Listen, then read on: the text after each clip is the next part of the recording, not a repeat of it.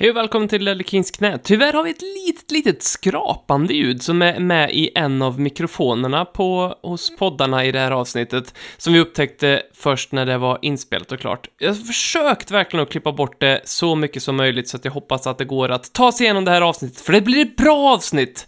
Så hang tight! En ny säsong närmar sig med stormsteg i engelska Premier League. Därför ger vi på Lelle Kings knä dig kort uppdatering om alla lag inför att världens bästa liga drar igång. Here we go!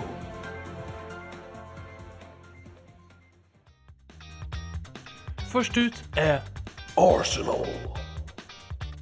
Bara ett stenkast från Tottenham Stadium, om man lyckas kasta stenen drygt 30 kilometer och över Themsen, det vill säga, ligger Woolwich. Woolwich är en liten enklav till norra London, vilket innebär att den lokala klubben Arsenal faktiskt räknar matcherna mot Tottenham som ett derby. Stadsdelens namn tros komma från att man en gång i tiden bedrev fårhandel här. Nu för tiden är Woolwich kanske mest känt för världens bäst betalde Fortnite-spelare. Håll ögonen på mittbacken Louise, man vet aldrig vad han hittar på. Aston Villa. Birminghamklubben Aston Villa bildades 1874 och är ett respekterat namn inom engelsk fotboll. Hemmaarenan Villa Park har tagit sitt namn efter en klassisk resort på Mallorca och här har man hållit till sedan 1897. Inför den här säsongen renoverades en del av kortsideläktaren och döptes om till Alan Hutton Stand. Brighton and Hove Albion. Efter en 15 plats för någon vecka sedan gör nu Brighton sin fjärde raka säsong i Premier League. Klubben har en väldigt tydlig måsprofil, laget kallas Seagulls, och man har även en mås avbildad i emblemet, trots att man likt fiskmåsar inte är kända för att gapa, skrika och skita ner. Dessutom har man en måsmaskot vid namn Kayla som flyger runt klubbens hemmaplan innan avspark. En mås, flera moss som det brukar heta, och det är precis varför domare Jonathan Moss inte tillåts att döma här. Burnley. Burnley bildades 1882 som ett B-lag till Aston Villa och det är därför man än idag spelar i likadana tröjor. 1986 bröt man sig loss och blev en egen förening och därmed startade en utdragen konflikt mellan de fans som vill bli självständiga och de som vill återgå till att tillhöra Villas organisation. Konflikten problematiseras av att ingen förstår ett ord av varandras dialekter och klubben tränas av Sean Dyke som har samma färg på sitt könshår som på ansiktshåret. Chelsea.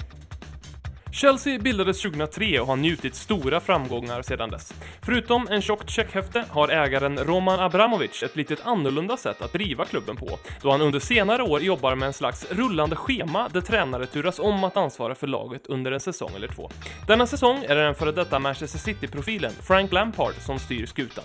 Chelsea arbetar också mycket med en utvecklingsmetod där spelare kommer in i klubben via holländska Vitesse och efter några år trappar ner igen i klubbens andra samarbetsklubb Arsenal. Ett exempel är Marco van Ginkel som anslöt från Vitesse 2013 och efter sju år och totalt två matcher för Chelsea nu anses mogen att utmana om en plats i Artetas manskap. Genomgången av Premier League fortsätter strax. Hi, this is Ledley King, and you're listening to the Ledley Kings Need podcast. Podcast. Konsekvent, inkonsekvent. Det bästa som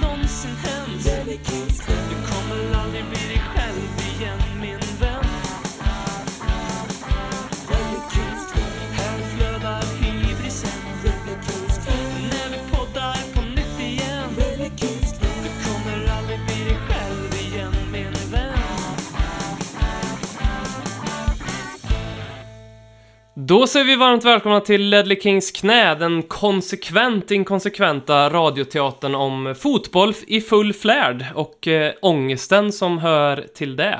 Robin heter jag och jag vill börja med att säga tack till alla som har röstat och nominerat oss ända fram till finalen av Guldskölden. Det här avsnittet spelas in innan vi vet hur det går, eh, så kanske sitter ni där och ler i mjugg när ni hör det här. Eh, vi kanske har vunnit eller knipit fjärdeplatsen eller hamnat utanför Champions League. Hur det än går så tack så jättemycket. Och dessutom så kan vi också förkunna här att efter eh, det att fyra lag eh, har spelat utmanarmöten i Dobb-TVs Quisaleta så leder Lelle Kings knä tabellen klart och tydligt. Så därför har vi sänt ut ett PM här nu till samtliga andra fotbollspoddar i landet och bett dem åtminstone försöka slå vårt resultat på 33 poäng. Nu när jag har skrut, skrytit mer än vad Ricky Sachs brukar göra i sina poddar eh, och det här avsnittet eh, har ju liksom liksom minst lika laddat som en moderat toppolitikers lägenhet. Så tänkte jag att vi skulle köra igång och jag har med mig två vänner i den här podcasten den här gången, vilket jag tycker är väldigt kul. Den ena är en gammal bekant, eh, ingen annan än mannen med kontot på Kanarieöarna. Smålänningen bosatt i London som gärna hjälper äldre människor över ögonställen i sin truckerkeps. Ingen mindre än Mr. Robert Folin! Fantastiskt kul att vara tillbaka. Vilken fin introduktion. Det är det där jävla Kanarieöarna-kontot. Jag ska fan aldrig mer låta dig hantera poddens finanser. Det var enda gången jag outsourcade den delen. Hur har din sommar varit? Jo tack, jag har mest varit hemma i Småland så det har ju varit eh, eh, fantastiskt fint. Nu är, jag till, nu är vi tillbaka i Storbritannien igen. Mm. Eh, men eh, ja, det har varit jättebra. Eh, mycket eh, mycket jobb, jobb på gården och en hel del bad och eh, öl ute på sjön. Så där, Jag har ju det går inte sett dig på en sjö eh, i ett fantastiskt litet klipp när du åkte runt på en liten flotte. Eh, och tog ut segern i Guldskölden i förskott. Eller, Nej, eh, absolut inte. Det, Nej, det, var ju egentligen, det var egentligen nomineringen du tog ut i förskott. Så det gjorde du ju faktiskt ganska rätt i, får man väl säga. Mm. Ja just det, det var då ja. Det var ju inte del av den här sista pushen för att få folk att, att rösta på oss nu. Utan det var ju nomineringen. Ja. Precis. Så är det. Eh, men vi har en ny bekantskap med oss idag också och det är ingen mindre än kvinnan som har besökt fler fotbollsarenor än vad de flesta, eller, eller ska jag säga så här, än vad det finns hårstrån på Christian Eriksens huvud. Jag vill välkomna för första gången i Lelle Kings knä ingen annan än hon som introducerade mig till hur blöt man blir om man trycker upp botten av ett ölglas inne på Tottenham Hotspur Stadium. Fanny Sharp! Välkommen! Tack, tack. Hur, hur, Roligt att få göra premiären nu. eller hur? Hur är det med dig? Eh, jo, men det är bra. bra. Det, eh, det har varit en bra sommar. Har, har du gjort något speciellt? Varit på hemmafronten? Varit ute och rest? Eh, nej, men det har ju varit eh, en Sverige-tour då istället, när man inte får eh, åka runt i Europa så mycket. Eh, så lite allt möjligt. Just det. Inte sett Småland. Nej, nej, det är klart man vet ju vad man får där. Man vet ju att det är top notch grejer. Så vill man upp, alltså, ha lite mer slumpmässiga erfarenheter så är det ju på annat håll man får åka på. Åre, va? Har du varit i? Eller?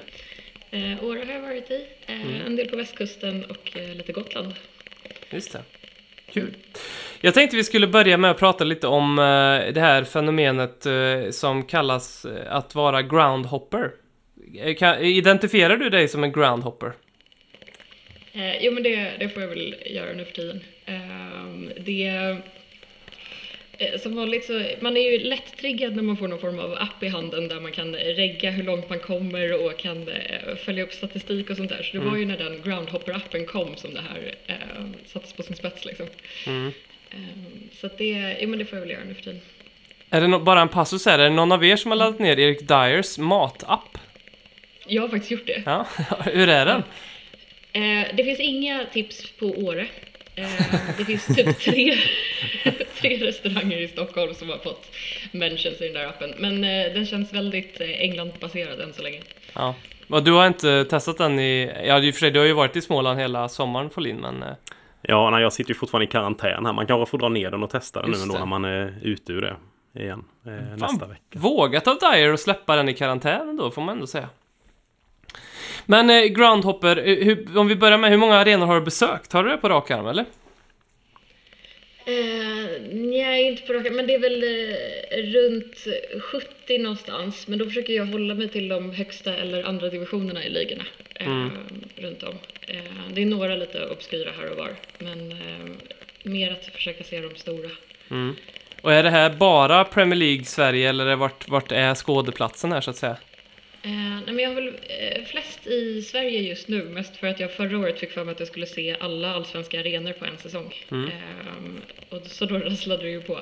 Eh, men annars är det Tyskland, en del England ja, och sen så är det lite blandat här och var. Kul. Vilken är den bästa arenan i Allsvenskan? Allsvenskan är ju, eh, det är svårt, det blir lite annan, eh, annan kategori jämfört med om man eh, alltså pratar om engelska eller om tyska arenorna. Liksom. Eh, de är ju snäppet mindre på en gång. Eh, Men eh, jag tyckte, eh, det var ju väldigt trevligt, men det är också väldigt mycket vad man hade för typ av dag liksom. Eh, men Falkenbergs tyckte jag var, alltså den är ju byggd som en vindtunnel liksom, för den saknar ju en sida. Men det var någonting med liksom träläktarna, det var, vi hade en jättehärlig dag där alltså, och ligger nära stranden där och sådär, så att eh, den var trevlig. Är det Sveriges svar på Craven Cottage kanske? Ja, men jag tänker det. Och det är ju en av de bättre i eh, England. Du tycker det? Ja. Vi- Vilka, om, vi, om vi snör in på England, vilka är de bästa och värsta erfarenheterna du har av arenor i Premier League och Championship då? Ehm, nej men precis, Craven Cottage, alltså det, är- nu är man ju väldigt biased, men eh, Tottenhams hamnar ju högt upp. Alltså av storarenorna så är ju den som är eh, ja, nyast, mest välbyggd, eh, gillar ju området då, obviously, liksom med pubarna och sådär. Men, eh, men Craven Cottage tycker jag också väldigt mycket om. Den är, det är mysig också, just det här att man har lite pub och eh, den miljön runt omkring. Ehm, annars, eh, den eh, slå in öppna dörrar-svaret är ju, jag råkade ju se en Champions League-match på Emirates med Arsenal mot Montpellier. Det var ju dött som fan alltså. men, men mycket öppna dörrar som slås in ur sig eh, i just den här podden. Ehm, men eh, annars sämsta, alltså Huddersfield var ju liksom inte kul. Eh, det var lite roligt med de blåa taken, liksom, att den ligger liksom lite nedsänkt. Men annars var det ju, de höll ju på, eh, de torskade ju jättemycket där förra säsongen när jag var där. eh, Just den perioden. Så det, var, det var ganska deppigt. Vad var det Tottenham du såg då eller? Eh, nej, då var det, vad var det Huddersfield mot, vad kan det ha varit? Det var här ganska mm, sunkmöte i Championship liksom. Båda, Ja. det gick ungefär lika dåligt för båda lagen liksom. Ja. Alright. Vad, vad fan är det Huddersfield Arena heter? Är inte det en gammal halvklassisk? Eller är jag ute och sny, cyklar Alltså, helt nu? Ja, Men det är den här som har de här blåa vall... Alltså, det är lite välvda tak liksom och så är det lite nedsänkt och så är det lite skog bredvid så att man ser typ... Det är framförallt de blåa taken som man kommer ihåg att se. Ehm, Jag har för mig att Huddersfield är en fruktansvärt tråkig ort också. Det var typ Ja. en av de absolut tråkigaste i hela England tror jag. Jag för mig att jag och pappa gick runt och det som vi hittade som var, kändes liksom roligast det var nästan att ta en Subway-macka snabbt innan man hoppade på tåget därifrån igen. Ja. Då har vi sågat den stan också. Nej, Ja, jag var helt ute och cyklade. John Smith Stadium, den är ju inte direkt skitkänd. Nej, jag drar tillbaka John den. Smith inspelet. Stadium. Det är, alltså John. Smith är ju någon sån här abronym för liksom, ja men en namnlös person, alltså som... John Doe. Va, va, Ja, typ. Alltså vad fan, varför har de döpt den till det? Är det, är det nog, eller är det för att alla ska känna sig lite så här som en i mängden och lite anonyma där kanske? Ja. Tänk om det är John Smith som byggde den. Så, och köpte namnrättigheterna själv. Jag ska Ja. se vad fan, varför den heter den. Vad tycker du då, Pauline? Är du runt på lite eh, engelska arenor? Ja, jag, har varit, jag är rätt dålig på det faktiskt. Eh, speciellt nu sen när man väl flyttade hit och började ja, ha säsongsbiljett och gick på de flesta matcherna så har man varit förälder med så det blir lite svårt att dra iväg på eh, bortamatcherna då. I London har man ju varit på en del men jag har, jag har inte varit på Newcastle, eh, St. James' Park har jag varit på. Annars tror jag inte jag varit på någon annan utanför London i, i England. Nej. Men här inne är ju Ja, alltså White Hart Lane är ju favoriten av alltså emotionella skäl. Eh, Craven Cottage är ju jättemysig. Och den ligger nästan lite för fint. Det är ju totala mot, alltså det är ju raka motsatsen till att gå i Tottenham innan. och gå runt där nere i fina parker och städat och pubbarna så har toaletterna har toapapper liksom och sådana grejer. Och, och toasitsar, det är ju helt sjukt. Posh bastards. Jag tänkte eftersom att ni... eh, för- Fan, har du, har, har du säsongskort på arenan? Ja, men det har jag. Just det. Och då kommer du börja resa nu så fort det går och allt sånt, eller? Ja, alltså för mig har fotboll alltid varit väldigt mycket mer att vara på plats. Ehm, och det är därför jag tycker det är kul att åka runt och träffa andra fans och se varför, varför brinner de för fotboll liksom. Det vill säga att hela den här att sitta hemma nu och se allting på TV och inte ens kunna gå ner till liksom, något ställe här i stan, det är otroligt segt. Så att jag, så fort man får börja åka igen så ska jag definitivt dit. Nu fortsätter Lelle Kings knäs genomgång av Premier League-lagen säsongen 2021. Crystal Palace. Crystal Palace är klubben för dig som gillar cheerleaders. Passande nog har man också 104-årige Roy Hodgson vid rodret. Wilfred Zaha är en spelare att se upp med, kusin med den före detta Tottenham-anfallaren Louise. Klubben kallas för The Eagles för att de gillar att take it easy. Everton. Liverpools lokalrival är en riktigt klassisk klubb i den engelska högsta ligan, trots att man jämfört med sin granne haft ganska blygsamma framgångar. Men vad många inte vet är att Everton, i hård konkurrens med Manchester United, faktiskt leder maratontabellen när det kommer till mest pengar i sjön för underpresterande värvningar. Man tränas av Carlo Ancelotti, som vid sidan av fotbollen öppnat en liten gnoccibod på Merseyside, där han och hans fru själva arbetar tre dagar i veckan. Klubben kallas The Toffees för man har så kul när man spelar mot dem. Fulham. Det finns säkert flera skäl att tycka om Fulhams återkomst till Premier League. För oss Spurs-fans är såklart tränaren Scott Parker den största anledningen. Men den mysiga stämningen och den pikanta lukten av bajamajor på hemmaarenan Craven Cottage är också värt att nämna. Här kan du också passa på att titta på statyn som föreställer den amerikanska rapparen och affärsmannen Ja Rule. Leeds United. Leeds ramlade till hela Premier Leagues stora glädje ur högsta ligan 2004. Under Marcelo Bielsas ledning har man nu tagit sig tillbaka in i finrummet och supportervärlden har fått ytterligare en injektion av medelålders män som använder sig av uttrycket “där vi hör hemma”. I början av millenniet hade Leeds en liten sväng om i Champions League med spelare som Rio Ferdinand, Mark Viduka, Lee Boyer och Danny Mills. Danny Mills som för övrigt inte var uttagen i Englands VM-trupp 2006. Leicester City. Klubbens talisman, Ukip-politikern och skvallerexperten Jamie Vardy bär klubbens rävaktiga ansikte utåt. Här finns också Kasper Schmeichel som blev till en kväll när Peter Schmeichel och Sir Alex blev lite väl intima med varandra för ett gäng år sedan. Leicester lyckades för övrigt nyligen med en av de största bragderna i modern fotbollshistoria, nämligen att anställa Brendan Rodgers utan att tappa ansiktet. Genomgången av Premier League fortsätter strax. Jag tänkte vi skulle eh, värma upp det här avsnittet kommer handla väldigt mycket om den säsongen som eh, är i eh, antågande här. Nästa helg börjar ju den. Tottenham har Everton borta. Så vi, när man såg att det var Everton borta så kände man åh, det blir bra. Men sen så har man ju börjat inse att de har ju värvat så in i helvete så att det är ångest på det direkt. Men jag tänker ändå jag skulle vilja placera lyssnarna eh, i känslan eh, som det, den härliga känslan som det innebär att åka till eh, Tottenham Hotspur Stadium och se en match. Eh, och då skulle jag vilja fråga er som gör det ofta och har gjort det ofta och tänker fortsätta göra det ofta. Eh, hur det bästa sättet är att konsumera Tottenham på idag? Eh, enligt er, vilka pubbar innan match och, och vad behöver man mer tänka på? Eh, om du får börja Folin. Eh, jag brukar ju ofta börja på ehm, eh, vad fan heter den? Nu har jag helt tappat. Volunteer. Ja, Volunteer ibland. Den är ju lite rolig om man vill börja lite sunkigare med. Där, där står det hundar på taket ibland med fantastiskt ställe. Den ligger jättenära eh, Tottenham Hales tågstation. Så du, När du säger, alltså, när du säger lite sunkigare så tänker man, alltså allt, eh, jag vet inte om jag, det finns någon som inte beskrivs som sunkig där i området. Så att, ja. Ja, men den här är... Hundar det på taket. Ja, men alltså det är bara en sån grej. Det är flera gånger man har kommit till så står det. Och det är rätt stora, håriga saker också. Alltså det är inte så att det är en liten tax som har krypit ut på taket, utan det är liksom en stor jävla vakthund som står där uppe. Eh, och sen ibland ligger de inne i puben också. Det är jättemysigt. Eh, vad fan heter den sen? Eh, jag har fått helt hjärnsläpp. Den går upp till F.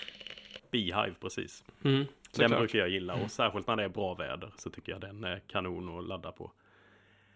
Um, annars innan var det ju innan det blev number eight. Vad fan hette den? Ehm, nu är det ju number eight. Um, och, ja, ja. Elbow, Den heter nej. number eight nu i alla Ja, fall. Jag tycker den har tappat lite sen den fick nya ägare. Det har blivit en sån där halvhostel också. Den kan man gott undvika. Det är lite märkligt. Det är inte riktigt så bra som det var innan. Antwerp Arms är ju mysig också om det är bra väder tycker jag. Eh, finns lite uteplatser. Den ligger lite off. Eh, kanske en 200-300 meter av bort från eh, Seven Sisters Road. Eh, ja, jag skulle säga Antwerp och Beehive är nog mina favoriter. Mm. Och du då Fanny?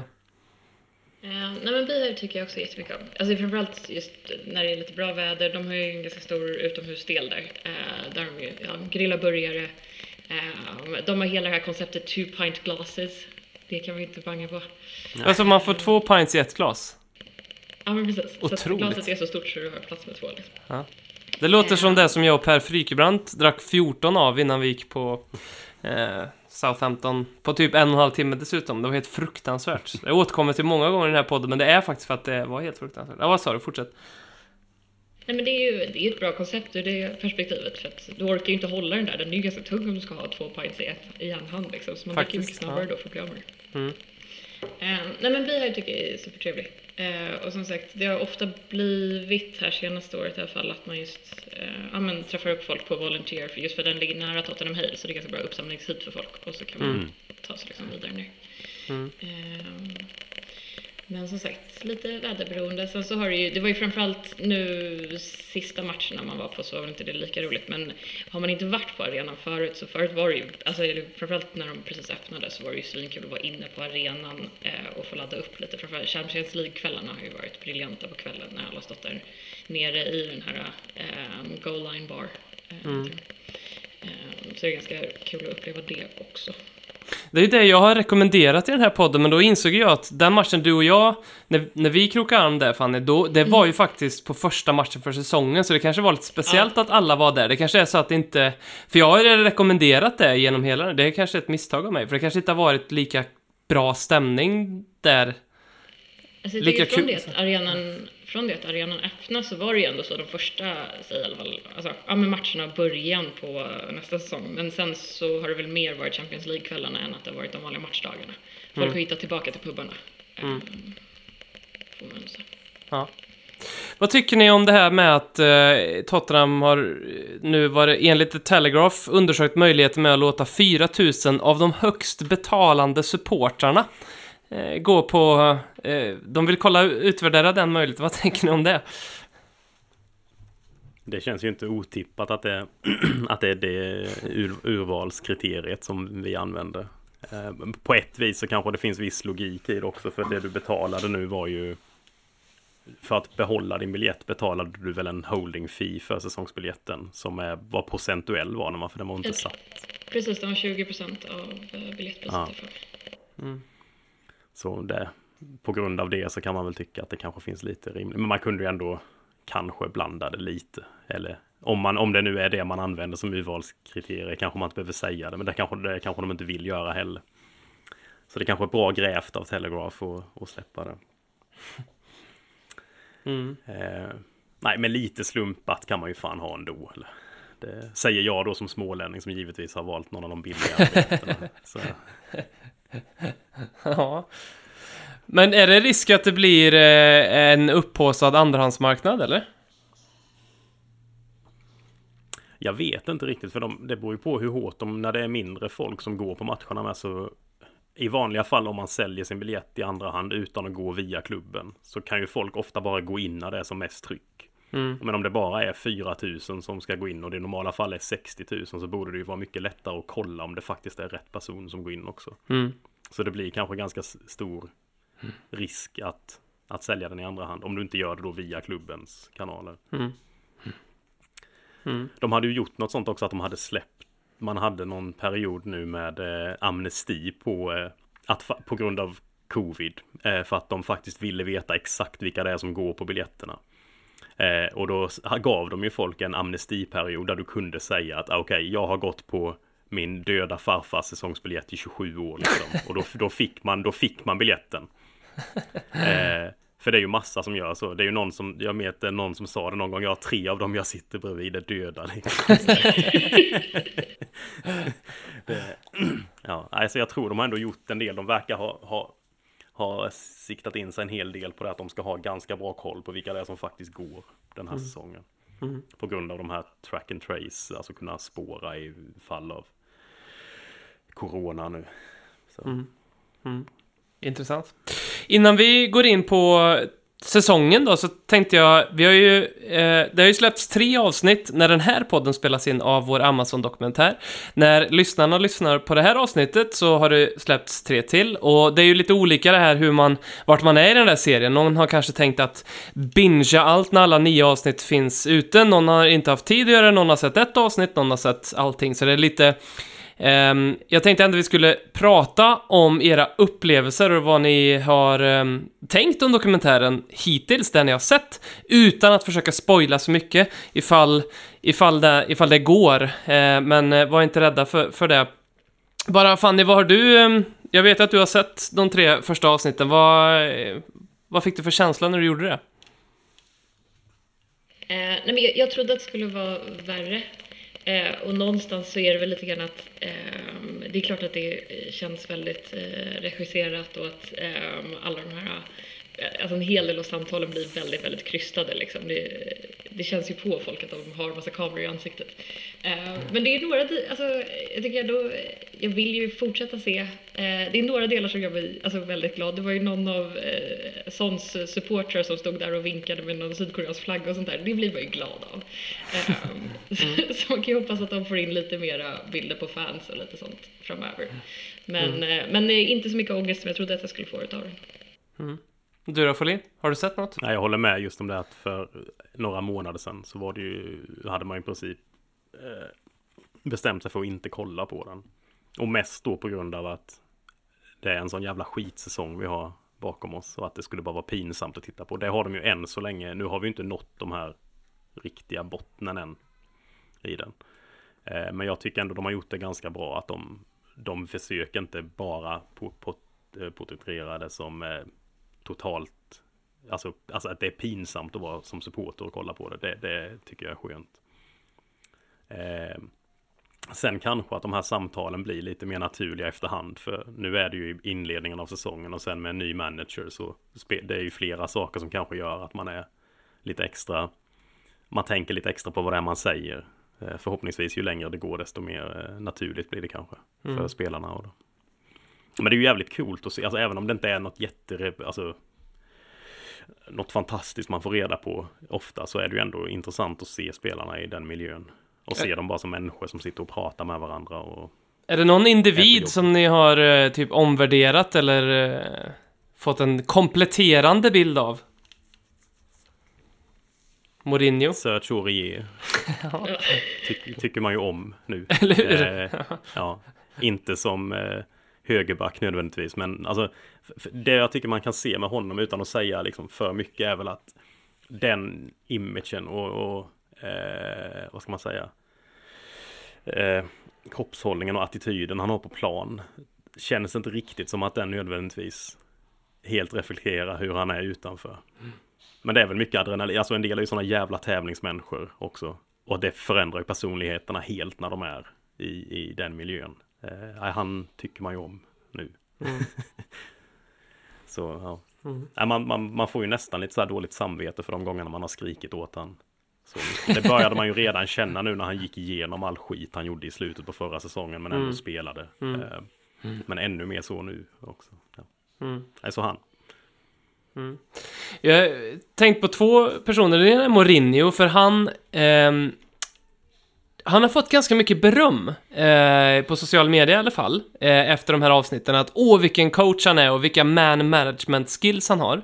Och jag vet inte vad de här personerna har för erfarenhet av typ en ledare och, och eh, management och sånt, men jag tycker ju rakt tvärtom när det kommer så för om, alltså, Mourinho är den här typen av ledare som liksom, nu ska vi ha utvecklingssamtal, nu ska vi prata om dig, så tar han in en på kontoret och så sitter han och pratar om sig själv, eller pratar själv i typ 99% av tiden och den, det enda man själv säger är typ ja, jag förstår, ja, ja, ja, okej. Det är liksom, det är hans man, management skills. Um, det tyckte jag liksom bara förstärkte bilden av honom ändå, och, och det, det är många som har sagt det, att man, man ser att, och man märker att han är lite narcissist för typ, när han öppnar munnen så pratar han om sig själv. Eh, nästan alla, alla gånger. Eh, och verkar inte ha så jättemycket empati till övers, vilket kanske kommer till nytta i den här rollen, men, men det är väl det som kanske leder till hans förfall om något år eller sådär, jag vet inte. Sen så tycker jag att Harry Winks, eh, alltså, det var väldigt eh, befriande att se att även mina fördomar om honom som en lite så här eh, osäker tonårings eh, eh, stämmer. För, för det är liksom det första som hände när de satt där och käkade frukost och eh, Mourinho rullades ut på löpsedlar så liksom ställde Harry Winks typ hundra frågor i en fråga till dem. Hur tror ni, hur tror ni det här kommer bli? Tror ni att han kommer att liksom så här, och så, eh, alltså håll käften Harry, hur ska jag veta? Ät dina kalaspuffar liksom och håll tyst. Hur kan vi, vi får väl se. Det var ganska liksom charmigt att se att, att den bilden av, av Harry Wings fanns. Och den förstärktes ju sen igen nu när vi såg uh, klippet när de var ute och gick på den här skywalken om ni har sett det. Uh, och Harry Wings var superrädd. Uh, vilket liksom, ja det var fint att se. Ja, Jesus. Jag har inte sett det Skywalk-klippet men jag kan ju, jag kan verkligen föreställa mig hur det är. Lucas Moura är ju inte rädd för att dö. Ehm, han ställer ju sig egentligen typ nästan och lutar ut över arenan. Uh, det där? Jag vet inte, nej. Skulle ni kunna Men tänka... han är- Ja. Han är ju riktigt inne med Jesus också så han vet ju att han har honom Just på det. sin sida. Så han har ju inget att frukta. Precis. Det, Det kanske är Winks kanske är ateist då och inte liksom. Det är därför han fruktar så mycket. exakt. Det finns inget liv efter Tottenham för Harry Winks. Nej. Mm. Mm. Nej men med Mourinho där så jag, jag tycker väl- jag, ja, han har jag också lite sådär fått. Men det var som när det var uppehåll nu i mitt, när det var coronapausen.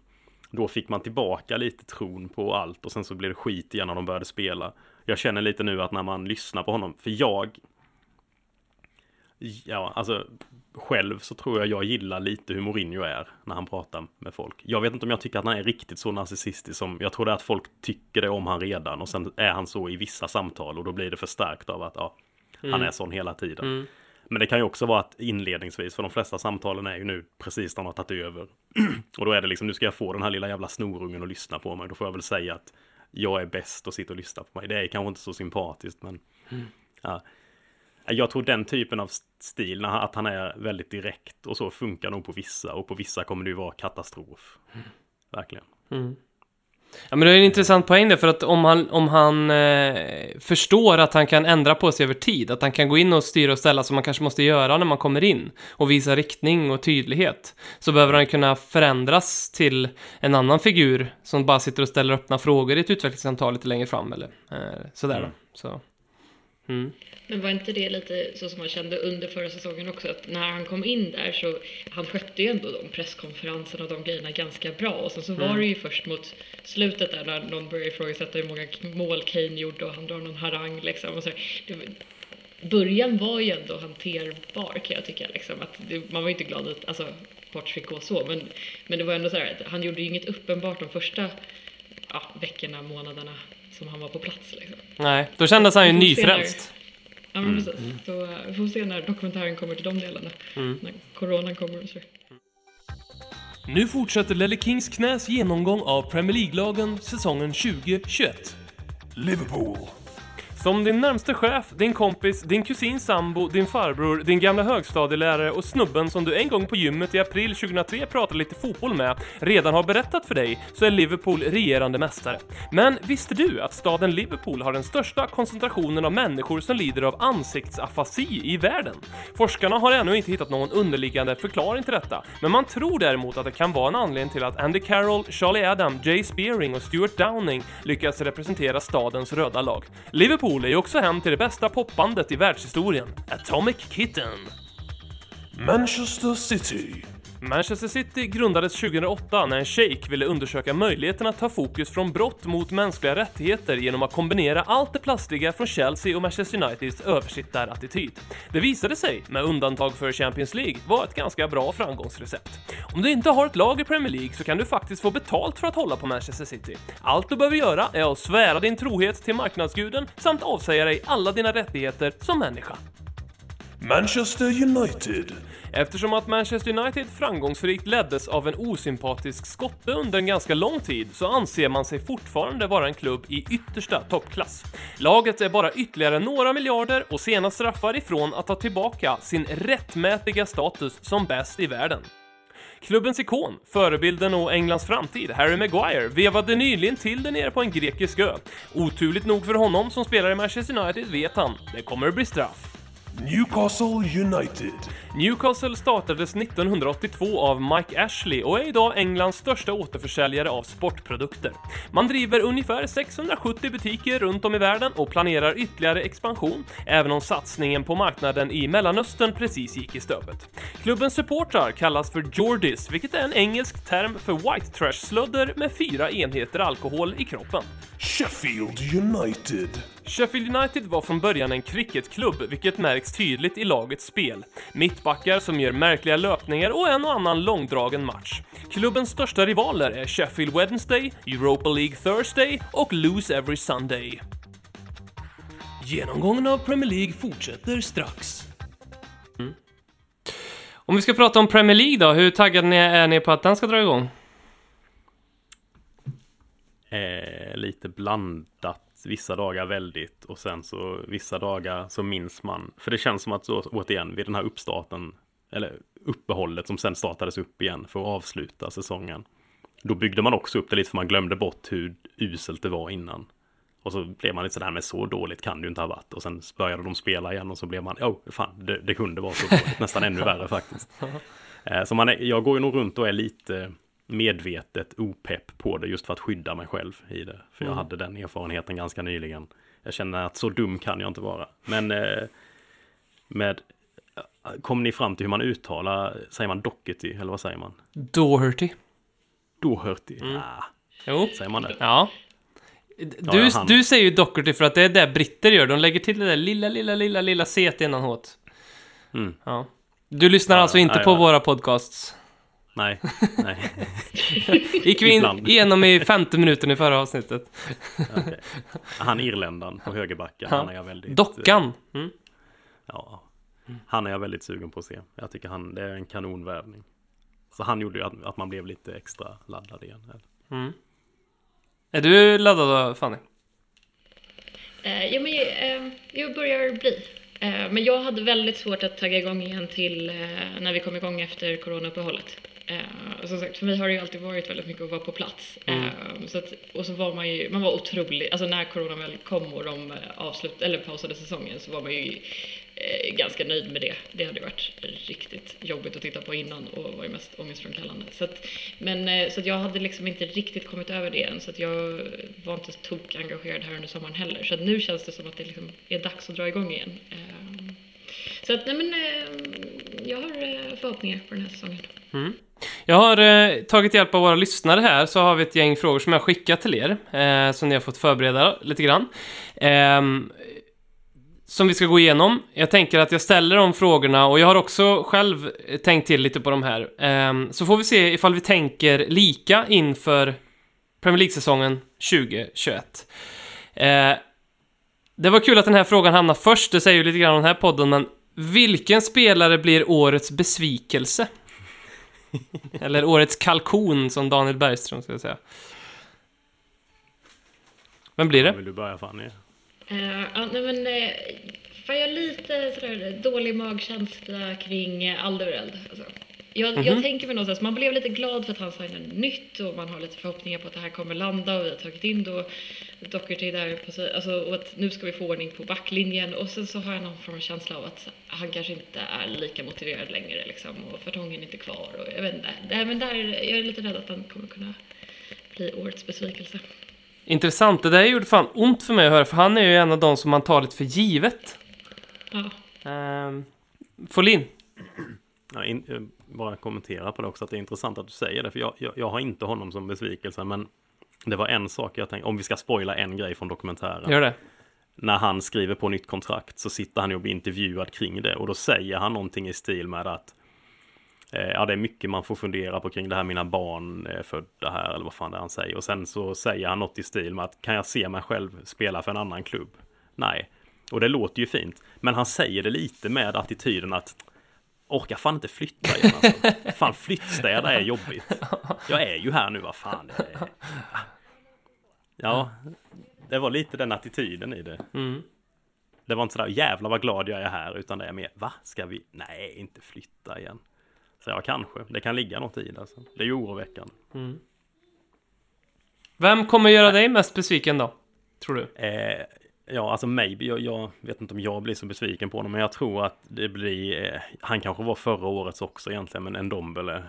Eh, jag tror att vi säljer inte honom och sen kommer det bara vara precis som det var förra året med han egentligen. Han, typ, han får någon match ibland och sen så kallar Mourinho honom för hopplös eller något sånt där lite sub, halv, eller inte alls subtilt men inte direkt. Men, ja. Jag tror en Dombele blir en sån som, eh, ja. Jag vet inte om ni såg matchen mot Watford igår, men eh, eh, Ndombele var ju inte sugen på att spela fotboll. Han, det var ju liksom... Det var bara passningar i sidled och ligga på rätt ställe. Det var det enda han gjorde i 45 minuter. Ehm, och det man vill se av honom, det är ju det här Dembele-grejerna. Han blixtrar till lite grann och driver en boll och det gjorde han ju inte så att... Du, Kevin Forster ställde faktiskt den frågan till oss om vi tror att Ndombele tar den här chansen som det ryktas om att han ska ha fått då av Tottenham. Vad, vad tror du Fanny, tror han tar den? Nej. Bra, Nej, Pepp-podden. Pepp-podden. Det här är inte en podd om man gillar Tanguy Ndombele. Ehm, eller så är det om man vill bli provocerad. Mi- Min årets besvikelse är eh, dockan. Matt Doherty. Alltså. Jag tror vi kommer bli jättebesvikna på honom. Jag tror att han... ehm, jag tror att han är en Serge, Han är en uppgraderad Serge Aurier. Men han kan inte försvara och eh, det här... Jag går på det som Wolves-fansen själva kommenterade när det blev klart att han gick till Tottenham om att typ, de var nästan så här, jaha, de, de köper han, ja, ja, ja, men vi får väl köpa någon ny. Det var liksom inte så här, nej, vad fan, våran bästa spelare. Och sen så var det någon som satte ihop ett litet klipp, parodiskt klipp på alla misstag han gjorde under förra säsongen och la på den här äh, Titanic-låten med en flöjt som spelar jättesurt. Eh, och den, spe, den liksom snurrar i min skalle varje gång jag hör hans namn nu. Så att jag tror att han blir årets besvikelse. Man behöver omvärdera min fantasy-backlinje då. Mycket möjligt. Men han kan, han kan vara lite poängspelare faktiskt. För de får, ja, så att det... det Ja, det är han ju. Mm, det tror jag. Men jag tror att vi kommer liksom till, jaha, det här var inte så jävla mycket uppgradering. Och sen är han 28, så att inför nästa säsong så ska han liksom snart fylla 30. Då blir det så här, oj, det, ja, det känns lite skakigt tycker jag. Inte så jävla nöjd med han faktiskt. Som ni hör. Eh, vi, vi kör samma ordning här då. Fanny, vem blir årets utropstecken? Eller kanon?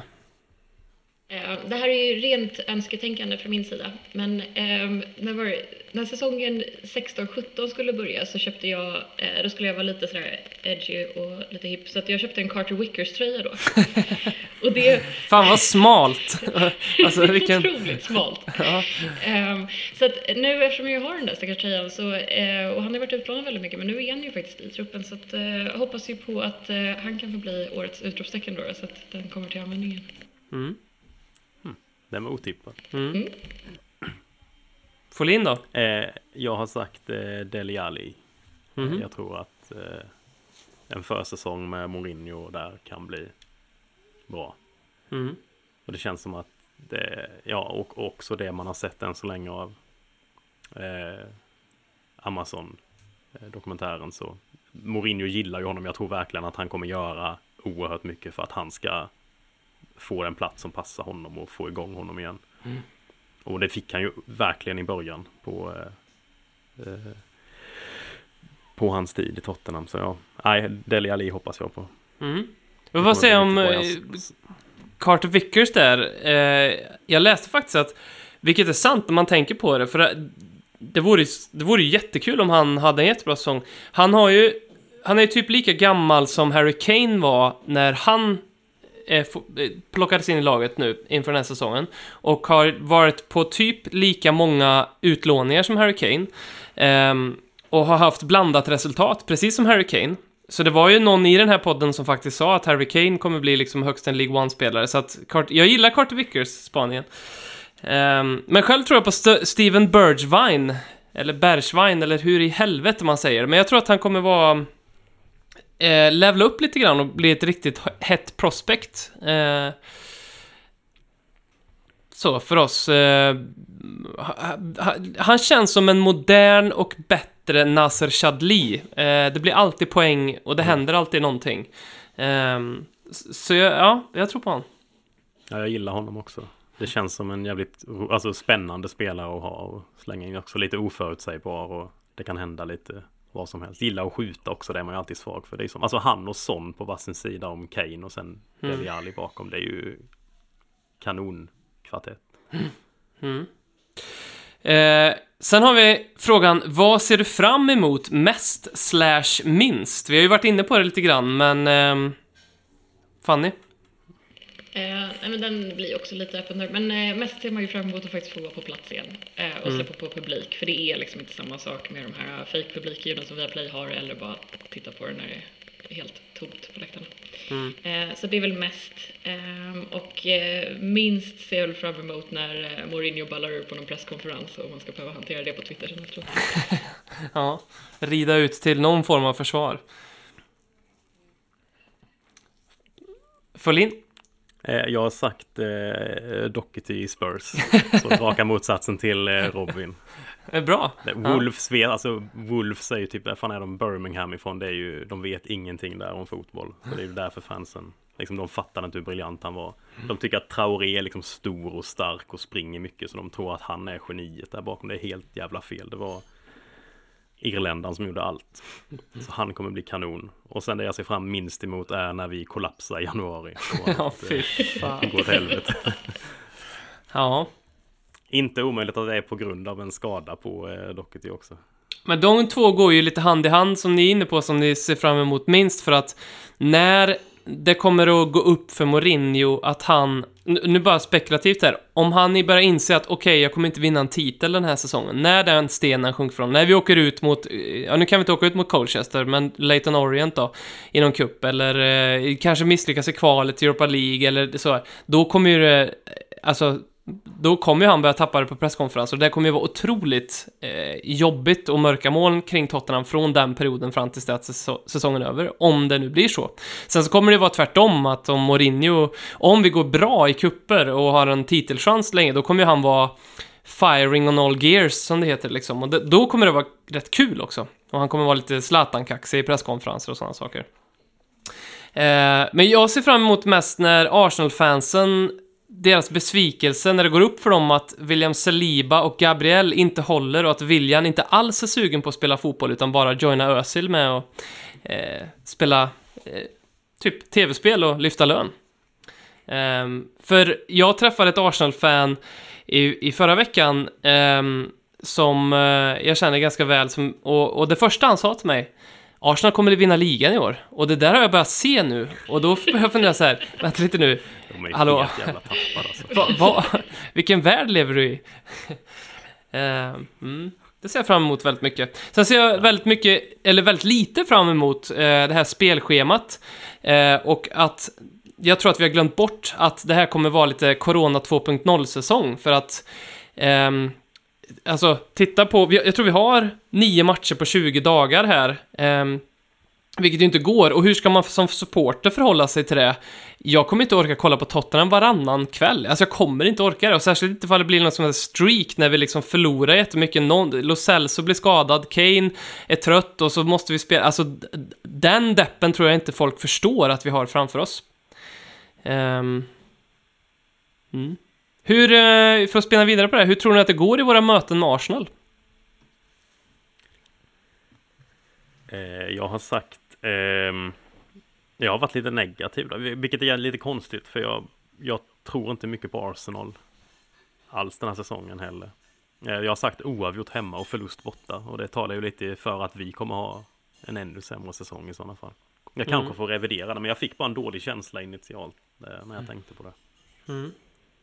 Ja, nej, jag tänkte ändå att vi borde kunna spela lika borta och så, så vinner vi hemma. Mm.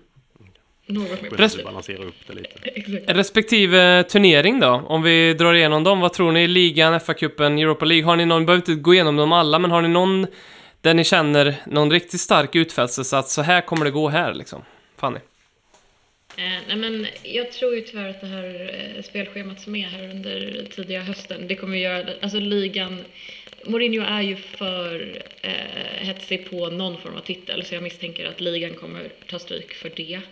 Eh, och så att eh, där blir det väl något sånt där som förra säsongen, att det är någonstans sexa runt där och kämpa för det liksom, kämpa för Europa League-platserna. Eh, men då, däremot så tänker jag mig att vi ska kunna gå ganska långt i antingen FA eller ligacupen och Alltså det hade varit lite kul nu när ligacupsmatcherna kommer så tidigt att det är något ungdomsgäng som får ta dem och så går det ändå bra liksom. Lite grann som när Liverpool försökte torska mot Arsenal förra året liksom. Ehm, så att det blir någon sån grej och så kan det liksom, ja, ordinarie trupp ta vidare på det och att det faktiskt går bra i typ ligacupen. Mm. Vad tror du Folin? Eh, Jag, jag är ganska negat, alltså jag tror det kommer gå, vi kommer ryka ganska tidigt i allt förutom Europa League.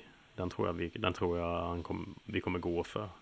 Jag vet inte hur, alltså sen hur långt det går, det blir ju lite, inte, inte tur bara, men beroende på med lottning och sånt så tror jag vi kan ta oss rätt långt i den. Mm.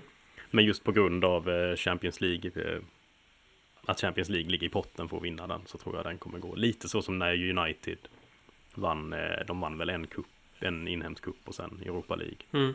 Och typ sket fullständigt i ligan sista åtta matcherna eller någonting. Mm. Ehm, att det kan bli någon sån approach. Jag fruktar väl lite det också som Fanny säger, att ligan kanske blir offrad på grund av att vi är lite avhängda tidigt. Inte avhängda helt, men att Mourinho värderade som att vi har större chans på om vi satsar på detta och då gör vi det istället. Jag har varit lite inne på lite samma grejer. Jag tror att Mourinho kommer eh, prioritera Europa League framför allt och sen FA-cupen. Men eh, chanserna är ju ganska stora att vi åker ur någon av de kupperna eller båda.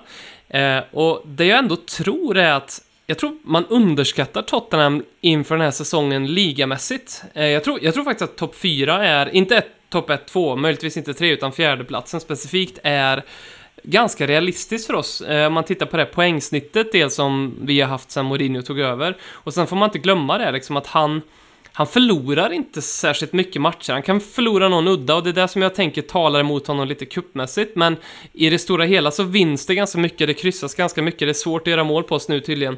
Så det skulle kunna tala för oss i ligan och det brukar alltid vara något lag av de här typ tippade topp 4, topp 5 som floppar till det eh, och de brukar bytas ut. Och nu kanske det är många som tycker att missilerna verkar mötas här på förhand liksom med Chelseas värvningar och United börjar kännas lite så bra och City och Liverpool. Men det, det, min känsla är att någon av de där kommer att schabbla till det rejält och kanske det blir något tränarbyte och, och, och gud vet vart, men, men, men just att i ligan går vi ganska stabilt.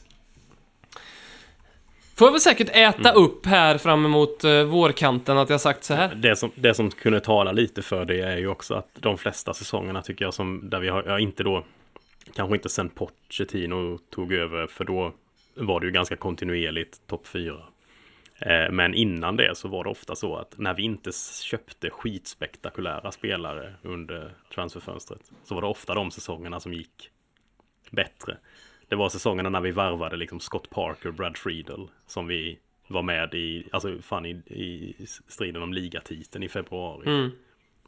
Det var inte när vi värvade Giovanni dos Santos och David Bentley. Mm. eh, Liksom. Ehm, så just det här lite att vi köper det vi behöver, men det är inte så jävla spännande, men det är liksom det som behövs för truppen. Mm. Det bådar ju gott, för det är ofta så det har varit de säsongerna. Ingen tror på oss, alla tippar som sexa. Och det är då det går ofta bättre i ligan. Så den aspekten kanske talar lite för, för det. Vilka lag tror ni åker ur Premier League? Ehm, jag, ehm, jag tänker mig att Villa inte löser en säsong till alltså. Ehm, med Grealish och tio man till som inte riktigt får ihop det. det men jag ser inte riktigt den. Ehm, jag satt West Brom på den listan, eh, men kan inte säga att jag har stenkoll på deras trupp heller. Men det, det känns liksom inte som att de ska vara kvar. Ja, du, du är helt förlåten, jag kan, inte, jag kan inte ens spela. Jag vet inte ens vem som tränar West Brom. Inte jag heller. Nej. Nej, det är säkert någon jätteuppenbar. Ja. Säkert. Men, och som sista, och det är ju lite ont, man vill ju, man vill ju verkligen att eh, Scotty Parker ska lyckas, men jag tror liksom inte att Fulham klarar sig Mm. eh, till nästa år. Har ni... Det var Har, tråkigt. Vi har valt exakt samma lag. men, jag, men jag har skrivit West Ham slash Villa, för jag vill att West Ham ska en Ja. sån jävla pissklubb. Det är klart man vill. Åka ur. vet, du, vem- vet du vem det är som tränar West Brom? Nej. Slaven Bilic. Ja, Det ja, det är fan trevligt. Han gillar man ju faktiskt. Eller jag gör det i alla fall. tråkigt Och de har värvat David Button, vår gamla ungdomsmålvakt, som var typ i vårt juniorlag för... De åker ju rakt ur. Rakt ur. Alltså den värvningen, det är ju liksom... Oj, oj, oj. Sen har de ju Kieran Gibbs också. Eh, Jake Livermore har de ju också för fan. Ja, för helvete. Charlie Austin på topp. Charlie Austin Mm. på topp. Gisses. Jag tror också att de åker ur, jag är också inne på West Ham. Sen tror jag Crystal Palace, jag tror att vi har glömt att de var ju helt bedrövliga. Ehm, givetvis så kryssade ju vi mot dem i, när de hade förlorat typ nio matcher i rad och gjort två mål och sånt där, men eh, jag tror inte att, jag, alltså Roy Hodgson tror jag är så utdaterad som det går att bli som, som fotbollstränare.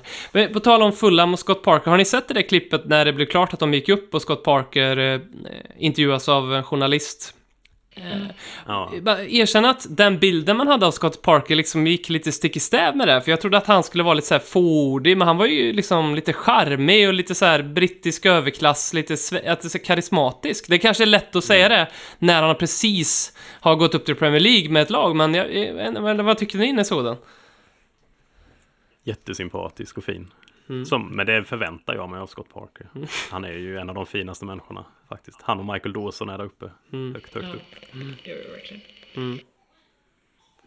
Har ni någon eh, övrig utfästelse som ni har spanat inom Premier League som sticker ut lite grann, som ni liksom känner att det här kommer nog hända? Eh, men jag kan ändå se framför mig hur det går lite tungt för Burnley. Man skulle ju, för jag började kolla lite så gamla highlights från olika presskonferenser och sånt där. Man vill ju att Sean Dyche ska tappa det liksom. En riktig presskonferens, du vet. Typ Nigel Pearson med ostrich-grejen, du vet, när den bara blir så absurd. Han håller nog hyfsat liksom, du vet, lugnet i liksom att han inte börjar skrika eller så, men bara att det blir så absurt liksom. Eh, en, en sån kan jag ändå se. Eller skulle jag vilja se. Sean Dyke, alltså vilken jävla... Han har en sån aura som bara... Han typ går runt naken hemma mycket känner jag för. Även om hans barn har kompisar hemma så bara kommer han och går liksom spritt naken genom vardagsrummet. Och typ mobbar de andra som är där inne och sen går därifrån. Ja, Sjukt märklig människa verkligen. Ja, Jag, jag vill plocka det du sa Robin om Palace. Jag har skrivit dem lite som en möjlig eh, att de möjligen, möjligen kan bli lite spännande i år. Tycker- De har inte värvat mycket men de har plockat eh, eh, SC, SC, hur fan man uttalar Ja, just det. Han från Queen, Queens Park, ja just det. Mm. Och, jag gick från Queens Park Mm. Rangers precis. Och sen eh, Nathan Ferguson från West Bromwich Mm. gick ju på free transfer dit. Det är ju två unga, jävligt, jävligt spännande värvningar. Mm.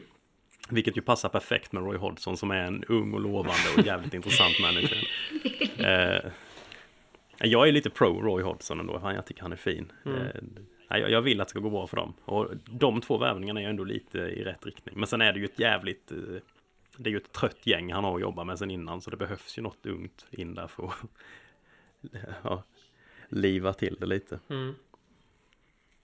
Eh, annars tror jag att Chelsea kommer är oerhört överskattade på grund av att de har köpt mycket. Jag tror det kan bli, alltså inte fullständig katastrof liksom så de åker ur, men jag tror inte det här med att folk räknar in dem som titelutmanare, jag vet inte fan om jag eh, köper det. Och det är inte bara för att Chelsea är rival, utan alltså jag vet inte om, är Thiago Silva så jävla spännande? Mm. Nu alltså, fem år sedan kanske, men Ja, det är kul att du gör det, för det var, det var vad jag också ville plocka upp här för att eh, alla värvningar de gör är ju helt oprövade i Premier League. Eh, de har en, och det måste man ändå få säga, oprövad manager sett till truppen som de har. Vi har liksom Frank Lampard som aldrig har, han har tränat Derby, där han körde liksom den här hela ungdomsgrejen och lyckades bära fram dem och sen så kom han liksom under radarn till Chelsea lite grann och blev uppburen lite. Det gick ju egentligen inte jättebra för Chelsea förra säsongen, även om de ryckte till sig till slut. Det, gick, det var väldigt svajigt. Han är helt oprövad med sådana här namn och jag tror liksom i Chelseas fall så är, får de en bra start och Werner och de här och Havertz kan leverera, då kommer det gå hur bra som helst. Men jag tror tyvärr inte att det kommer vara, eller tyvärr, jag tror lyckligtvis för oss att det inte kommer vara så. Jag tror att de kommer att ha en skitsäsong och Frank Lampard vet ju att Roman Abramovic är ju väldigt trigger-happy i, med att sätta kulan i hans huvud efter bara ett par matcher ifall det går trögt. Och när den pressen växer på honom och han börjar fundera på oh shit vilken trupp jag har, då tror jag bara det går ut för honom och Chelsea. Och jag känner att så, det, det är kanske de jag var inne på lite förut som jag tror kommer liksom bli typ 10. Och Abramovic har ju Gus Hiddink på speed dial. Han är ju alltid Oh ja. för att komma in på de sista tio matcherna och ta över. Gus Hiddings röstbrevlåda så här, is this, if this is Roman please press 2 och då går det som ett fax direkt så, Ja, automatboka en flygbiljett till Exakt. London. Så får.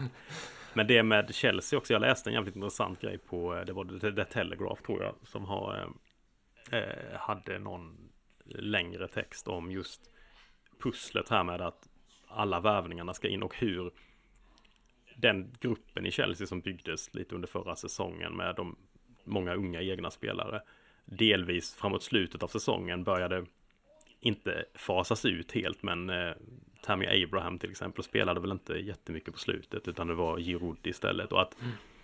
de har det att balansera men nu också när så många som har varit där ganska länge kanske har känt att åh fan vi har liksom lyckats ta oss in.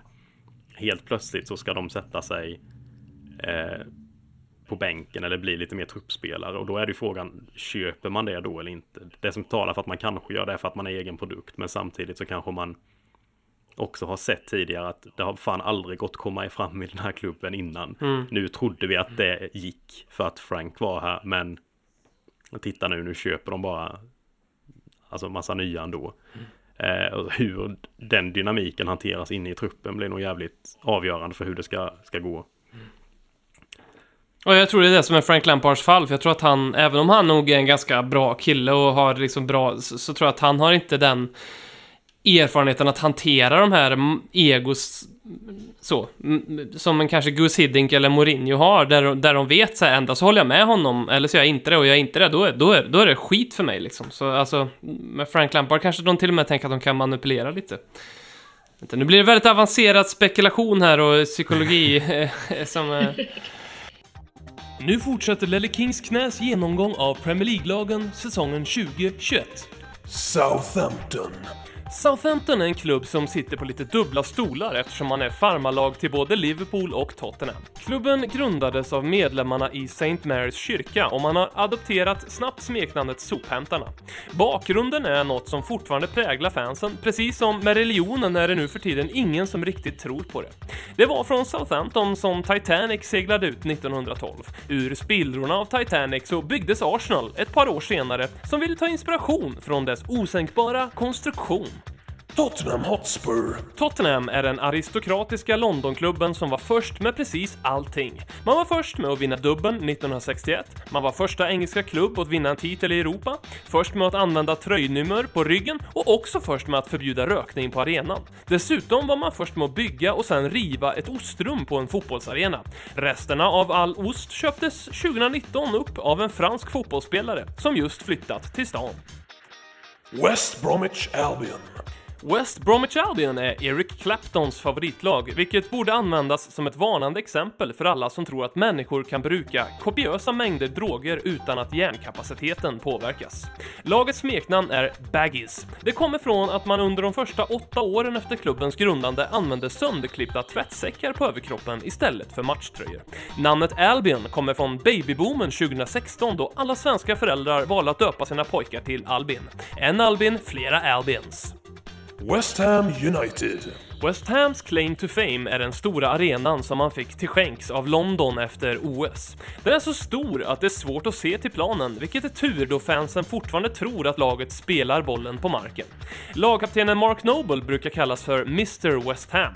Namnet är mycket passande då han är en medioker spelare som spenderar den mesta tiden långt ner i mitten. Wolverhampton Wanderers. Wolverhampton Wanderers ägs av ett kinesiskt konglomerat som också äger en rad andra klubbar i Premier Leagues farmarligor Serie A och La Liga. Det sägs att Robert Plant från Led Zeppelin håller på Wolverhampton och att han skrev låten Trampled Underfoot efter att han sett Tottenham krossa Wolverhampton i Uefa-cupfinalen 1972. Vi har fått väldigt mycket massor, drivvis, med lyssnarfrågor inför det här avsnittet, så tack för det. Fortsätt gärna med det. Eh, den här veckan så fortsätter vi på temat uppsnack inför den här säsongen, så sparar vi lite av de här eh, frågorna vi fått till nästa avsnitt. Jag tänkte vi skulle bränna av några av dem. Eh, Gurra Claesson, vem hoppas ni att vi värvar som anfallare? Var det inte lite eh. Jiménez-rykten idag eller? Jo. Var det det? Mm. Ja, det, det hade man ju inte Då blir jag spänd igen. Jag tror, fan frågan om jag håller på Wolves egentligen. Jätte, förutom Traoré, han är överskattad. Men Jimenez hade ju varit skittrevligt. Mm. Det hade jag missat helt. Han och Docket ihop, fy fan det Jag behöver knappt ändra mitt fantasylag. Jag behöver bara slänga ut de gamla Tottenham-spelarna. Eller de nya som ska in. Jimenez har ju samma agent som Doherty och eh, Mourinho. Eh, för det gick ju li- Ah. det gick lite rykte om att eh, Tottenham har gjort klart med en anfallare lite under radarn, att vi jobbar lite sådär med skenmanövrar. Eh, och det är därför liksom de här ryktena om Dini och Will. För så var det ju även med Doherty, det var ju massa högerbackar och, och sådana saker. Vilken jä vilket jävla skenmanöver. Fan, alltså det hoppas man ju att de skulle spela, gjort en dokumentär nu om det. Man bara, vad ska vi släppa för Vi kör Troy Deeney eller folk bara, "Nej, för helvete, vi kan inte släppa Troy Deeney, det är ju ingen som köper det. Eller han den där nya Trevor Birch, så här, den här seniora killen som, äh, gubben som Tottenham har liksom värvat in. De här första transfermötet och så här skenmanöver och Trevor Birch säger så här Troy Deeney och Daniel Levy bara det är det här vi anställer dig för. Eh, Fredrik Svensson undrar vad tycker ni om Costa-ryktet? Diego Costa då alltså. Det låter stökigt. Vi har, ju, vi har ju sålt vår själ med Mourinho lite grann. Vi går ju verkligen full om vi soul selling om vi tar in Diego Costa tycker jag. Ja, men jag tänker också på hur man, vilken stressnivå man ska ha när man tittar på matchen. Alltså, Ja. då blir det ju, nu får vi väl se då, eh, Doherty tar väl antagligen Oriers plats, men eh, ska man ha liksom Costa och Orier på plan, alltså det, är- det är ju för läskigt liksom. Ja, det är lite riskabelt det där. Det är jävligt mycket wildcard-faktor då på Tottenham. Er, Och sen så släpper vi alla de här eh, eh, skenmanövrarna, rykten hela tiden. Det kommer vara helt kaos hela säsongen. Det blir skenmanövrar även på plan. Vi tar in Diego Costa för så här, han ska stå upp och armbåga någon ni hört samtidigt som Matt Doherty ska bomba ner på kanten och göra någonting liksom. Det är liksom det. Erik Eriksson undrar vem som kommer få säsongens första direkt röda kort. Direkta röda kort. Costa är ju jättegiven om det är han som... eh, Mm. Ja, men ska vi slänga in någon liten otippad? Um, jag vill säga Alderweireld. Mm. En, en, en, eh, han har väl nästan, han kan väl aldrig ha blivit utvisad för oss. En sån här frilägesutvisning eller någonting. Jag tror inte, det har mycket... Nej. Då, det är ju lite i linje med Fannys teori om att han... Det kanske är början till slutet, det kanske är bland det första han gör. Får rött kort och så blir han liksom säsongens Orier på något vis. Och Mourinho slänger han under bussen fullständigt sen efteråt på presskonferensen. Mm. Men Toby är nöjd för han slipper flytta. Så det, han köper det. Precis. Slipper flyttstäda. Rasmus Björklund. Vad tycker ni om djupet i truppen? Alltså det är väl ändå... Alltså framåt tycker jag det om man bortser från alternativ till Kane eller vad fan det är man ska ha där egentligen. Om man bara följer upp på det så Costa tycker jag kan vara en duglig... Det som ska köpas för anfallare är väl antingen typ en sån äldre spelare, massa rutin, en jävla gris som kan slänga in och göra något helt annat än någon annan gör i truppen nu. Eller någon som kan spela oavsett om Kane är skadad eller inte. Alltså han kan spela på topp själv, men han kan också passa in annars. Det är väl det som saknas framåt egentligen. Alltså på de andra positionerna har vi ju Vi har ju ganska gott om spelare där. För, beroende på om Lamela stannar om han ja, Han lär ju i och för sig skadad typ 90% av varje säsong så han kanske inte går att räkna in. Men där och Alltså relativt bra bredd men det saknas ju på typ en Lo Celso ersättare om det inte är, alltså om inte han och en Dombele ska ha lite kunna fylla samma funktion i olika matcher. Det beror ju på där lite. Mittback kanske någon till behövs. Jag vet inte riktigt hur. Det är så jävla svårt att säga. Alltså vi har ju Foyth och dem, men är han med i planerna alls eller ska han skeppas? Det... Säljs Aurier behöver vi ha en högerback också. Hur väl, alltså hur högt håller man Sessignon? Det, ja. det känns ganska brett, men det kan ju också vara så att vissa, om vissa spelare inte har förtroende alls och aldrig får chansen så kommer det ju bli en... Det är lite det man inte vet, tror jag. Så det är svårt att värdera. Men så känns det ju som att alltså för en vanlig säsong så hade det ju, ja men då hade det känts bra liksom. Men just nu när det är så himla tajt matchande, eh, corona, någon ska åka iväg, alltså just nu när de kommer tillbaka från landslaget, man vet ju inte ens hur många som kommer kunna spela till helgen liksom så som det ser ut. Nej, jag vet inte hur det funkar med eh, alla jävla karantäner och sån skit. För det har de ju, det slänger de ju in här hela tiden också. De har ju tappat det fullständigt. Det är ju liksom... Jag, Ja, hur är det? jag såg Vad var faktiskt de? på... Var de Island och spelade? Ja, det var de väl. Jo, det var de. Jag såg på BBC ehm, News och då hade ju BBC eh, World News ett segment som var de här länderna har vi karantän eh, i just nu. Och så var det liksom så här, eh, flaggor och grejer. Eh, och det där måste ju vara supertrixigt när det ska iväg och spelas liksom Europa League-matcher och Nations League-matcher och hålla koll på vilka spelare som var då. Så drar någon till Ibizan på ett litet miniuppehåll. Så det blir ju supersvårt och ja, då behöver vi definitivt ha lite mer djup i truppen. Däremot så tror jag att um, Mourinho kommer att våga satsa på de här som vi har sett i försäsongen. Det är inte bara... För i tidigare försäsonger så har junisarna fått spela lite grann och så... Sen så var det inte så mycket mer än det, men jag tror faktiskt eh, lite Car- Carter Vickers, lite Harvey White, lite Dennis Jerk, Jerkin, Shirkin, S- Kirkin, vad nu man säger det. Eh, kommer att få Jerkin. luftas lite. Jerkin. Så är det nog inte. Dennis Jerking. eh, ehm, vi har fått en fråga från Zlatan Ibrahimovic. Varför får inte Troy Parrott starta? Vilket skämt. Vilket... Ja, det är för att Erik Hamrén inte tränar. Ja, just det. Just det. Ehm, nej, men ehm, en seriösare fråga är från uh, Misha Wafole. Förlåt om jag uttalar det fel, men det är faktiskt lite svårt. Lämnar Kane om vi inte vinner något den här säsongen?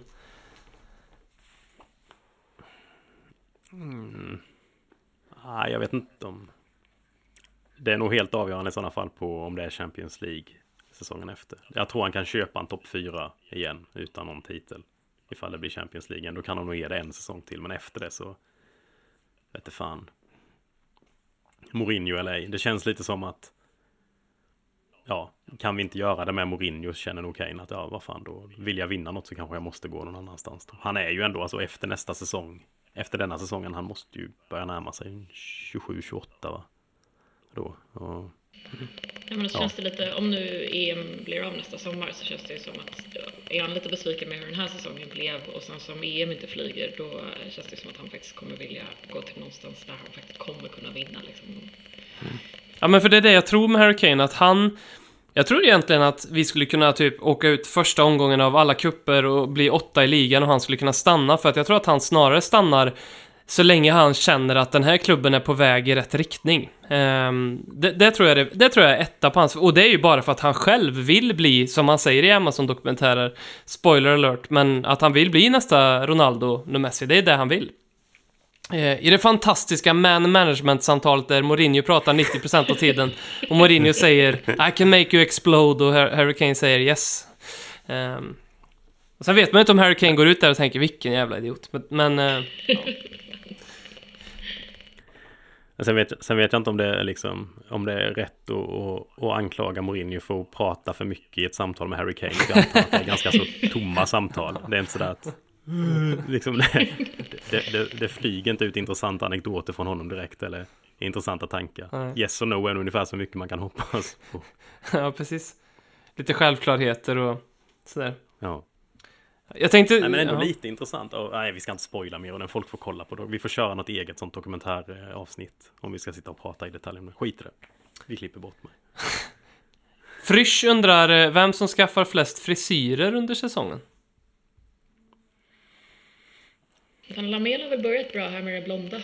Mm. Eh, och det vore ju skönt om han bytte bort snart. Tycker du det? Tyckte du inte det var fint? Nej. Jag får lite så, vad heter den filmen med Bruce Willis? Eh, The Jackal är det va? När han är någon eh, eh, Har, typ bisexuell lönnmördare. har Bruce Willis hår så. i filmen? Han har ju aldrig hår. Han har hår? Ja, han, han, har- han blonderar sig vid ett tillfälle i den filmen. Fan? Han ser lite ut som Lamela då faktiskt.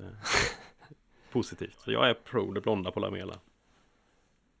Jag tycker ni missar en uppenbar här. José Mourinho. Där har vi en man som kommer ha en frisyrresa den här säsongen. Alltså, vi minns ju när han rakade håret förra säsongen. Ehm, han, han har fått det, börjat få det här silverräv-looken. Eh, I takt med att det inte går som han vill och han känner pressen så kanske det håret börjar... Ja. Så jag tror det kan bli en jävla frisyrresa på Mourinho faktiskt. Eh, den här säsongen. Intressant val. Ja, Gazzaniga känns ganska uppenbar om han är kvar. Mm. Vad som hände med... Men det är lite mm. sådär argentinska, kanske han och Lamela kommer ha frisyrshow i eh, sjukstugan. Vi ska avsluta som vi alltid gör med eh, segmentet som numera heter Expedition Paul Robinson. Eh, efter, eh, inte efter den där gamla vänsterbacken som vi spelade i West Bromwich, utan efter målvakten som spelade i, i Tottenham under en herrans massa år. Och som gjorde ett mål på, dessutom, på Watford. Kommer ni ihåg det? Paul Robinsons mål. Mm. Jag var där och såg det. Du var där till och med. Fy fan vad stort.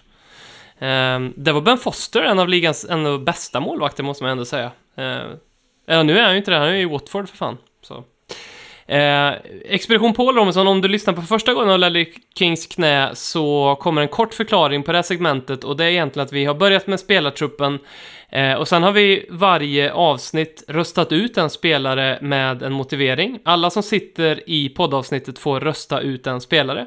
Eh, och det har egentligen, det måste inte ha något med något sportsligt att göra. Det kan vara bara för att man tycker att någon spelare är en större jävel eller så tycker man kanske att det är en dålig fotbollsspelare, då får man rösta ut den. Det blir som ett dörråd. Eh, de spelarna som röstas ut, de får ni som lyssnare på vår Twitter eh, delta i en omröstning på vem som ska stanna kvar i Expedition Robinson.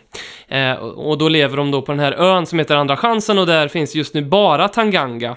Eh, känns inte bra att han är ensam på en Har ö. han dödat de andra eller vad har hänt? Nej, de har åkt ut en efter en. Eh, se, Ah. Senast var det i för sig Hengmin Son som kom tillbaka från andra chansen eh, efter att Marcus Håkman röstade ut honom. Ehm, så Tangangas, och det börjar ju sina i, i Expedition Paul Robinson och nu är det ju ett väldigt avgörande avsnitt för nu är vi tre. Så det, det är alltså tre huvuden som ska rulla i, eh, i det här eh, i, nu. Eh, och ehm, jag har de som är kvar, det är ju Toby, Kane, Lamela, Lo Celso, Dele, Ndombele och Son. Och det är ju ändå ett jävligt gött gäng. Det här är ju liksom, nu börjar vi på prata favoriter här. Ehm, jag tänker, jag tycker Fanny, du får börja för du är ju ändå gäst här idag. Eh, ja, nej men då, eh, fan, jag tänker nog att jag eh, bygger vidare på hela den här poddens tema till exempel, och skickar ut Alderweireld nu. Oj, oj, oj. Eh, Ja. men- Ja, nej, men nu, nu har jag ju liksom under en timme här byggt upp något lite semi-agg för att han ska göra mig besviken under året. Så att, eh, då, då ryker han från Robinson också. Spännande. Hur länge har du känt så här för Toby? Nej, men det, det började framförallt när frågorna kom här, när du skickade dem och jag skulle börja fundera på besvikelsen. Och sen så har det bara eskalerat. Spännande. Robert Folin. Ja, jag, jag tänkte mitt val, alltså när jag valde så tänkt, försökte jag tänka på spelarna som att de vore i en expedition Robinson. Ja, det är väl klart. Att det är Ja. därifrån man väljer. Ja. eh, eh, och jag har två egentligen, jag valde två för att ha en reserv ifall eh, ni valde. Mm, du får bara ta en. Mm.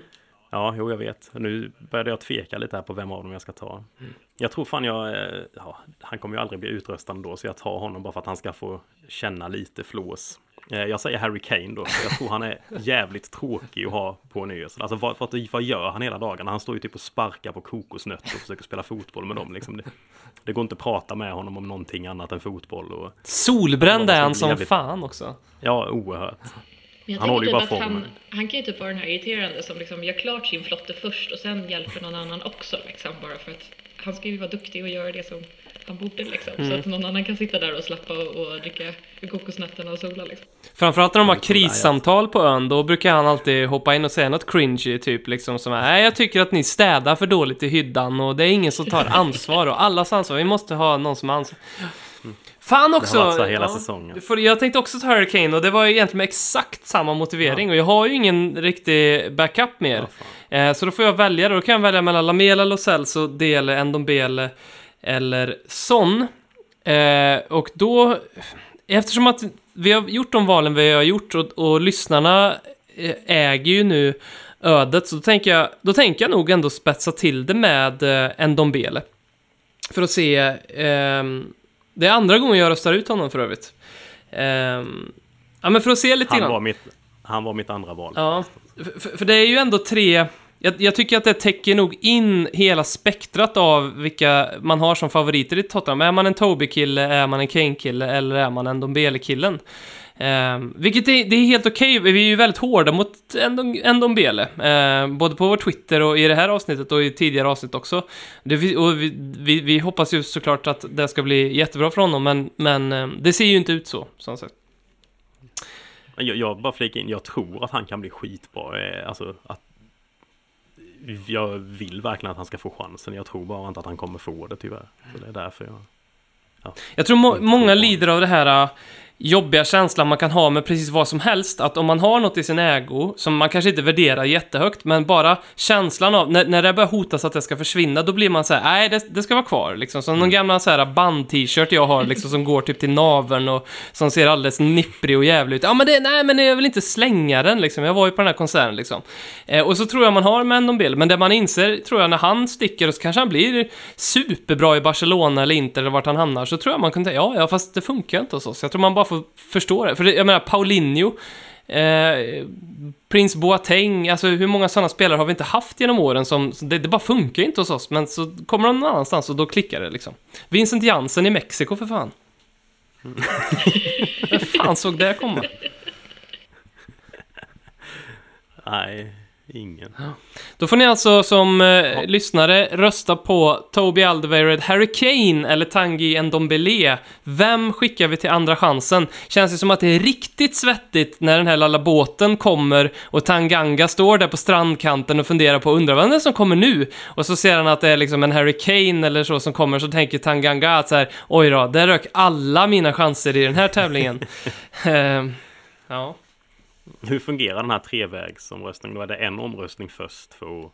Nej, då, vi, vi, slaktar ut, vi slaskar ut alla tre. ehm, Ja. så, så får man välja ett av de tre. Eh, den som får för, flest röster, det tar 24 timmar att göra en sån, sån röstning. Så ehm, det blir spännande att se vad ni värderar där.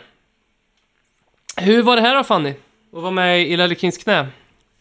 Jo, men det var jätteroligt. Det är ju, eh, måste jag ändå erkänna att man var lite nervös innan, men eh, det, det har fungerat bra. Bra. Det har inte märkts tycker jag inte. Nej, Eh, verkligen inte. Väldigt kul att du var med.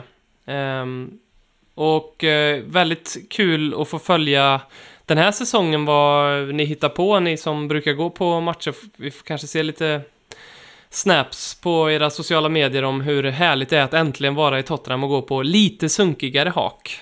Eh, med hundar på taket. Exakt så. Vad heter... Och Vad heter ingen tryffel eh, majo eller vad Ingen fan det är. tryffel Fan, majo på arenan. efter. vad är det för någonting? Det låter som en anekdot eller något. Ja, nej det var jag, vad fan var det? Vi var på någon match och jag gick och köpte någon pommes eller vad det var. Och jag pratade bara, fan vad nice det är med majo. Och Fanny slänger så bara, ah, nej jag käkar bara tryffelmajo. Ja, vadå, du äter bara tryffelmajo liksom? Jag varnade för att Och det hur var många väldigt ställen kan du Stockholm i hitta det? kommentarer. Det är så Småland och Stockholm kulturkraft. Ja. Vi har inte pratat sedan dess så detta är första gången. Okej, det var lite känsligt där då. Tack så jättemycket Fanny, väldigt kul att vara med. Tack, eh, kul att se dig igen Robert Folin och kul att du har lyssnat på Ledley Kings knä och att du interagerar med oss så mycket som du gör på våra sociala medier. Nu märker jag att jag blir lite manipulativ här, att eh, jag bygger upp liksom, ja, ett, så.